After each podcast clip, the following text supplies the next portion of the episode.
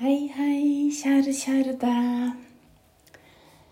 I dag, nå når jeg spiller inn, så er det mandag den 21. juni. Ja, fin måned. Fin dato. Det vil jeg si. Det er den andre podkasten jeg spiller inn i dag, og jeg vil jo si at podkastene kommer til å handle om ganske forskjellige temaer. Men for meg, da, så flyter egentlig alt litt over i hverandre. Ta gjerne et dypt innpust. Og om du ønsker å fortsette å gjøre det du gjør, så kan du det. Eller om du ønsker å sitte ned og lytte med rak rygg, hendene hvilende i fanget. Avslappa haleben. Hjertet løftes opp. En rolig pust som roes mer og mer ned for hvert utpust du tar. Toppen av hodet skyves oppover. Gjør litt grimaser med ansiktet for å myke opp. Ta tunga rundt i munnen en gang. Under overleppe, underleppe. Legg merke til smak. Og svelge ned. Smøre halsen. Og puste godt inn. Se om du kan holde pusten bitte litt. En kombakka. Hold mens du slapper av i kroppen og puster ut og inn. Og hold hvis det kjennes greit for deg. Ikke holde pusten hvis du kjører bil, behandler maskiner eller gjør noe som krever din fulle konsentrasjon. Konsentrasjon er dharana på sanskrit, og det er med på Ok, det er lov å puste ut nå, jeg tror jeg glemte å si det. Du styrer også selv hvis du kjenner at du må puste ut. Så på den, de stegene til yoga, som jeg så vidt har nevnt før, ifølge Patanjalis eh, Yoga Sutras Eight Limps of Yoga Som er eh, Og jeg skal ha mer om dem. Kanskje jeg må ta for meg hvert steg også. Og det er yamas, niyamas, asanas, pranayama, pratyahara, dharana, dhyana og samadhi. Eh, jeg skal gå mer inn på betydningen. Men la oss igjen puste inn. Og gjerne hold pusten, slapp av. Så se om konsentrasjonen kan gå til området mellom øyenbryn. Agna chakra, det tredje øyet. Og så puste godt ut igjen. Og igjen puste inn hvis du har mulighet til å holde pusten. At ikke det utgjør noe fare for deg. Hvis du er ute og jogger også, eller går tur, ikke hold pusten. Så kun hvis du sitter i ro eller ligger i ro, og også hvis du er gravid, så skal du ikke holde pusten, OK? Så det er viktig å ikke gjøre kumbaka. Og gjerne puste ut igjen hvis du har klart å holde til nå. Jeg syns det kan være vanskelig å holde pusten. Jeg har øvd meg på det siden jeg var liten, men pga. astma og hovne lunger og mye slim, så er det litt vanskelig. Men jeg digger å utfordre meg sjøl på det. Så la oss prøve en siste gang innpust. Godt innpust. Og hold. Slapp av i skuldrene samtidig. Så kanskje du kjenner, hvis du prøver å presse deg litt på hvor lenge du klarer å holde, at du kan bli litt svimmel. Jeg blir også varm. Kanskje du kjenner at det prikker litt, og det er ikke farlig. Trenger ikke å holde til du besvimer, men kjenn hva som er ok for deg. sant? Så du har ansvar sjøl for eget liv, egen helse, og du puster ut når du må. Om du ikke har pusta ut ennå, så kan du puste ut nå. Så det samme er jo også på yogaklasse, at man har ansvar selv for å tilpasse. Instruktøren viser gjerne flere måter, og man oppfordres også, jeg har alltid oppfordra mine elever til å si fra om eventuelt graviditet, skader eller tilpasninger, medisinske diagnoser, som jeg burde vite om sånn at jeg kan tilpasse og passe på så godt jeg kan. Samtidig så ligger også ansvaret på eleven, på deltakeren, til å kjenne. Og hvis det er en posisjon man kjenner at den kan jeg ikke ta, så er det bare å ikke ta den, for husk på det er din praksis. Det er det som er viktig. Og en ting som er litt sånn herlig med akkurat det, er at jeg har jo fått visst om sånne tidlige graviditeter. Så jeg har vært heldig sant, for at jeg har hatt elever på klasse, og så har de kommet og hviska til meg jeg er seks uker på vei nå. Åh, det er jo så kult. Og så får jeg lov til å være med på den hemmeligheten. sant? Jeg har jo dessverre også vært med på at den samme eleven har hviska to uker etterpå. Jeg mista. Og det er jo trist, sant? Det er kjempefælt. Men, som, men, ja, så det kan være litt begge deler. Mm, det jeg hadde litt lyst til å snakke om i dag Jeg, jo, jeg er jo interessert i mye forskjellig. Så selv om podkasten her heter 'Yoga fra hjertet', så er det jo ganske mye annet fra hjertet fordi jeg er veldig glad i å lære meg nye ting, det har jeg nevnt før, og jeg er interessert i veldig mye forskjellig. Og det å kombinere yoga og økonomi, det vil jeg jo tro er ganske interessant for særlig vi som har levd av å undervise yoga. sant?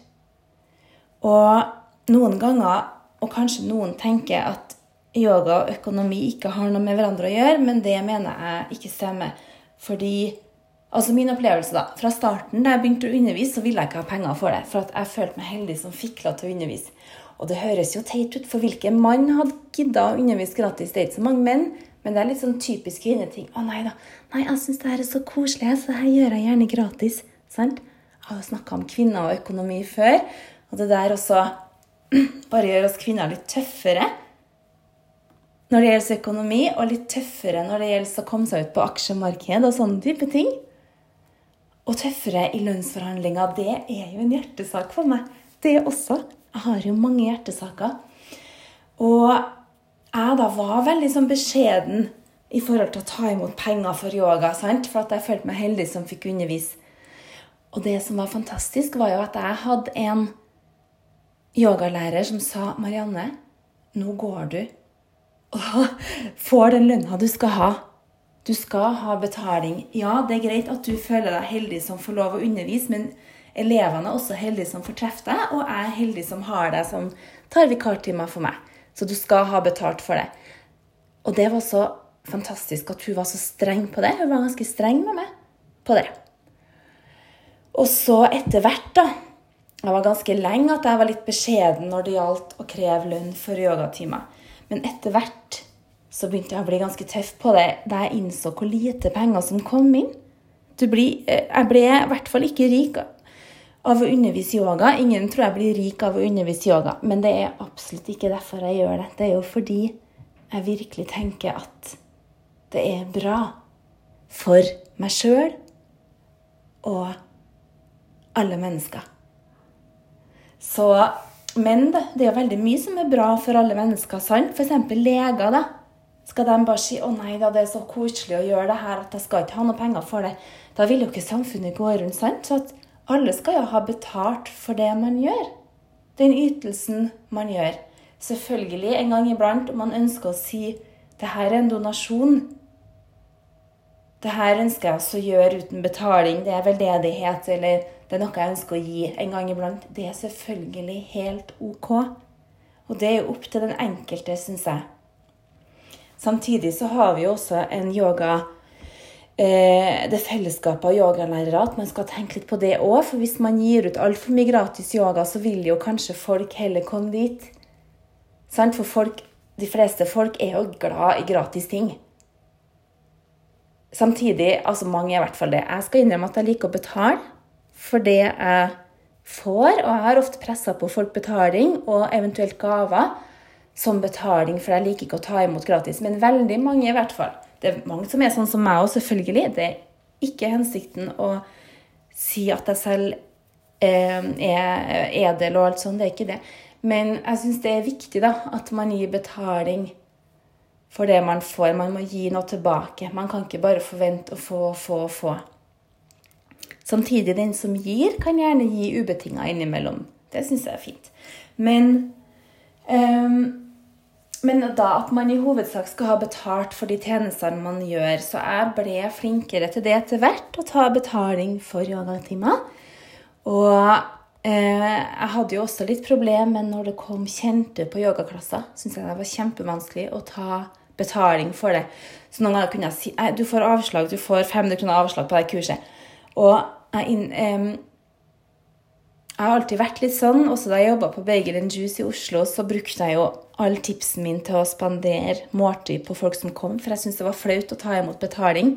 Men sjefen min var jo ikke keen på å betale for min, mine venner og familie, for det var ganske mange som kom innom. Men jeg syntes det var hyggelig å kunne spandere, så jeg hadde jo aldri noe tips til meg sjøl. Alt, alt gikk med til å spandere mat og betale for mat til der jeg jobba, til dem som er kjent og nær familie. Eh, men sånn er det. Eh, det var koselig for meg å kunne gjøre det, og det står jeg 100% for også den dag i dag. Men, så jeg syns det var vanskelig da, å ta imot betaling av venner og familie. Eh, familie gikk jo gratis, selvfølgelig. Men å ta imot betaling fra nære venner syns jeg var vanskelig. Og jeg er jo såpass heldig at jeg har ganske mange nære venner. Så jeg kunne jo ha en klasse egentlig bare av nære venner. sant? Og hvis jeg ikke skulle hatt betaling fra noen, da, så hadde jeg jo gått veldig i minus. Så, men heldigvis, da, så de vennene jeg har tatt med meg på min vei, og dem som jeg har eh, Jeg er såpass heldig at dem er veldig redelige. Sant? Og de har pressa på meg penger. Så de har bare overført penger til meg og sagt nei, jeg vil ikke ha rabatt. Du skal ha betalt for det her. Jeg har til og med fått passe påskrevet av ei venninne og sagt du, jeg syns ikke det er greit at du holder på å gi bort yogaklasser, for det her det er livsinntekta di. Det er ditt livsopphold. Så du skal ha betalt. Så jeg har blitt pressa på fullpris flere ganger for yogatimer. Og ellers har jeg fått igjen i form av andre tjenester. Sant? Så det, det syns jeg jo bare er helt fantastisk, for da, da går det jo greit. Sant? At man har såpass ærlige og redelige venner som bare gir deg penger likevel. Det syns jeg er ganske fantastisk. Så i forhold til yoga og økonomi, da, så tenker jeg at eh, Nå ser jeg jo at Eller nå syns jeg jo at vi yogalærere har blitt mye flinkere til å være nøye på det at man skal ha betalt. Og jeg husker jo Altså, nå er det jo en stund siden jeg underviste faste klasser, men jeg hadde jo yogastua. Og jeg var ganske godt betalt da, altså. Jeg hadde, jeg hadde ganske bra Det kosta litt for kursene mine. Det gjorde det. Men dem som ville til meg, kom jo til meg uansett, var min erfaring. Og jeg måtte jo tenke hvor mye trenger jeg ha for at det skal gå i pluss. Så det gikk jo heldigvis i pluss. Nå var det jo, kosta det jo litt å leie lokale og sånn også, sant? men jeg prøvde jo å ordne sånn at jeg gikk i pluss. Hvor mye jeg fikk sånn i snitt per klasse, det vet jeg ikke. Sikkert ikke kjempemye. Um, for nå var jo det yoga på Jakobsli, så Altså sånn bydelsyoga, på en måte. sant? Da får du like mange på klassene dine som man f.eks. har i byen, i sentrum. Um, men apropos økonomi, da. Jeg skulle så gjerne ha hatt noen som kan masse om aksjer og eh, trading, daytrading gjerne, og crowdfunding, eh, shorting, gearing, krypto. Det har vært utrolig spennende å fått laga en litt lengre episode om sånne tips i forhold til investering, da. Det hadde jeg syntes vært helt fantastisk, for jeg kan ikke noe mye om det. Jeg kan lite grann. Det som jeg har lest, lest meg opp til sjøl og lytta til en del podkaster om det. Men jeg tenkte jeg skulle dele med dere hva jeg så vidt har prøvd meg på. Eh, jeg har Altså, jeg snakka kanskje litt om det her i forhold til kvinner og økonomi også. Fordi jeg syns jo at vi kvinner må ta stor del i aksjemarkedet. Det er ikke bare menn som skal være der. Altså, vi har like stor evne til å gjøre det bra. Eh, det er én ting også at vi skal eie, eie Hvis man f.eks. bor sammen med en kjæreste, så syns, eh, syns ikke jeg Jeg skal ikke si at jeg ikke syns sånn og sånn, men eh, jeg vil i hvert fall anbefale, da, hvis det er lov, at man, hvis du er sammen med en da, som du skal være sammen med, eller kanskje har barn sammen med også, at man har en eierandel i bolig. Sånn at ikke du bare betaler husleie, og så Hvis det blir slutt, da, så sitter du liksom igjen med ingenting. Sant? Det er kjiperen. Så at man har en sånn ordning, da. Og hvis, la oss si at mannen, den du er sammen med, hvis du er sammen med en mann, eller omvendt hvis du er mann og sammen med en dame, la oss si at du er en mann som har flytta inn til en dame som har hus, og la oss si at hun jobber mest mens du passer på barna, sant? Da tenker jeg jo at um, at det er greit å Enten at du får kjøpt deg inn i huset på et vis, eh, eller at man har en eller annen ordning i hvert fall sånn at det blir rettferdig også med tanke på brudd. da. Hvor vil du være med tanke på brudd? Jeg syns det er viktig å tenke på det. Og der er jeg sånn Dere vet jo at jeg er en følelsesbombe av en annen verden. Men akkurat på sånne ting så er jeg ganske kald. Der, der er jeg pragmatisk og pang, pang, pang.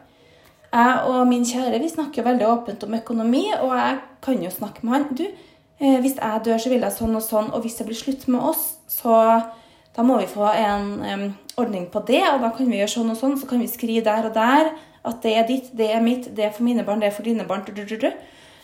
Og det syns jo min kjære. Han syns bare sånn Å, herregud. Han hater å snakke om det, for han syns det er trist. da. Han bare Nei, jeg vil ikke snakke om at det, hvis det kanskje blir slutt. Mens, eh, mens der er jeg ganske sånn um, ganske, altså det, Jeg tror absolutt ikke at det kommer til å bli slutt. Jeg tror vi kommer til å være sammen for alltid, og det kjenner jeg meg trygg på at vi kommer til å være.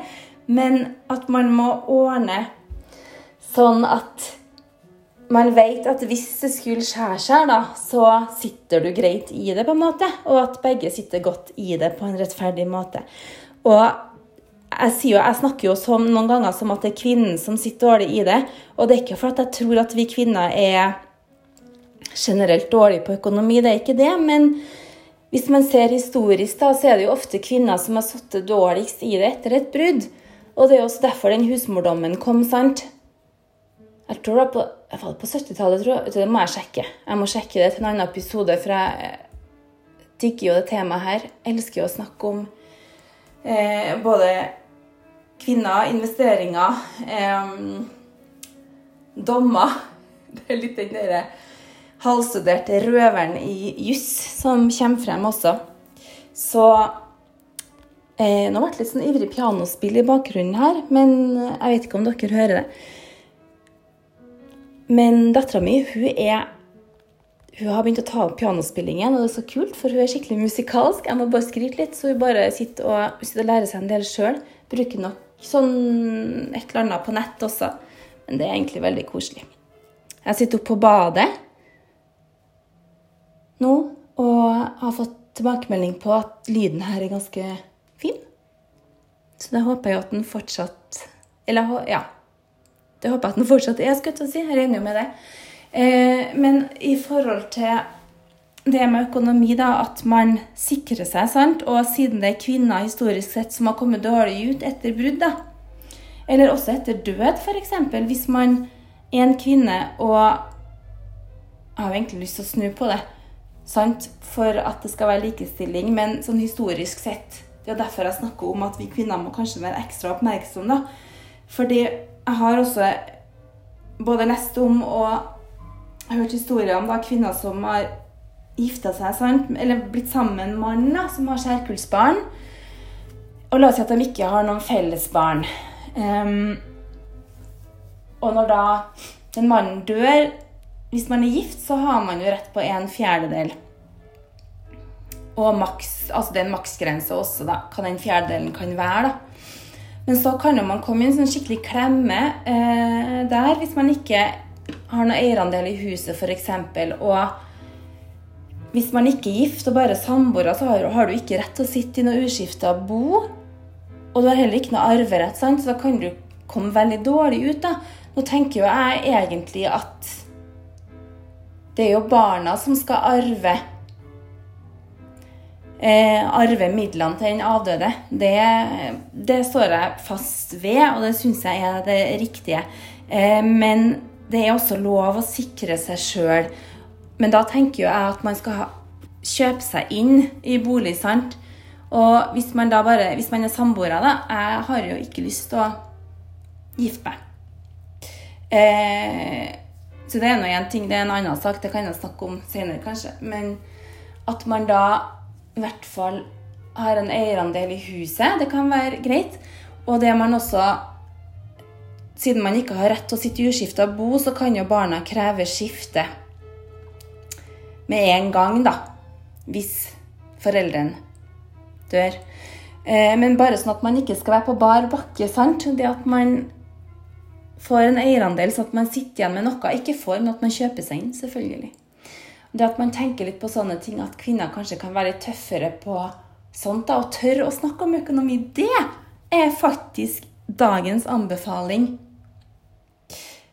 fra meg. Tør å snakke om økonomi. Snakk mye om økonomi. Det er råviktig å få til en løsning som er rettferdig.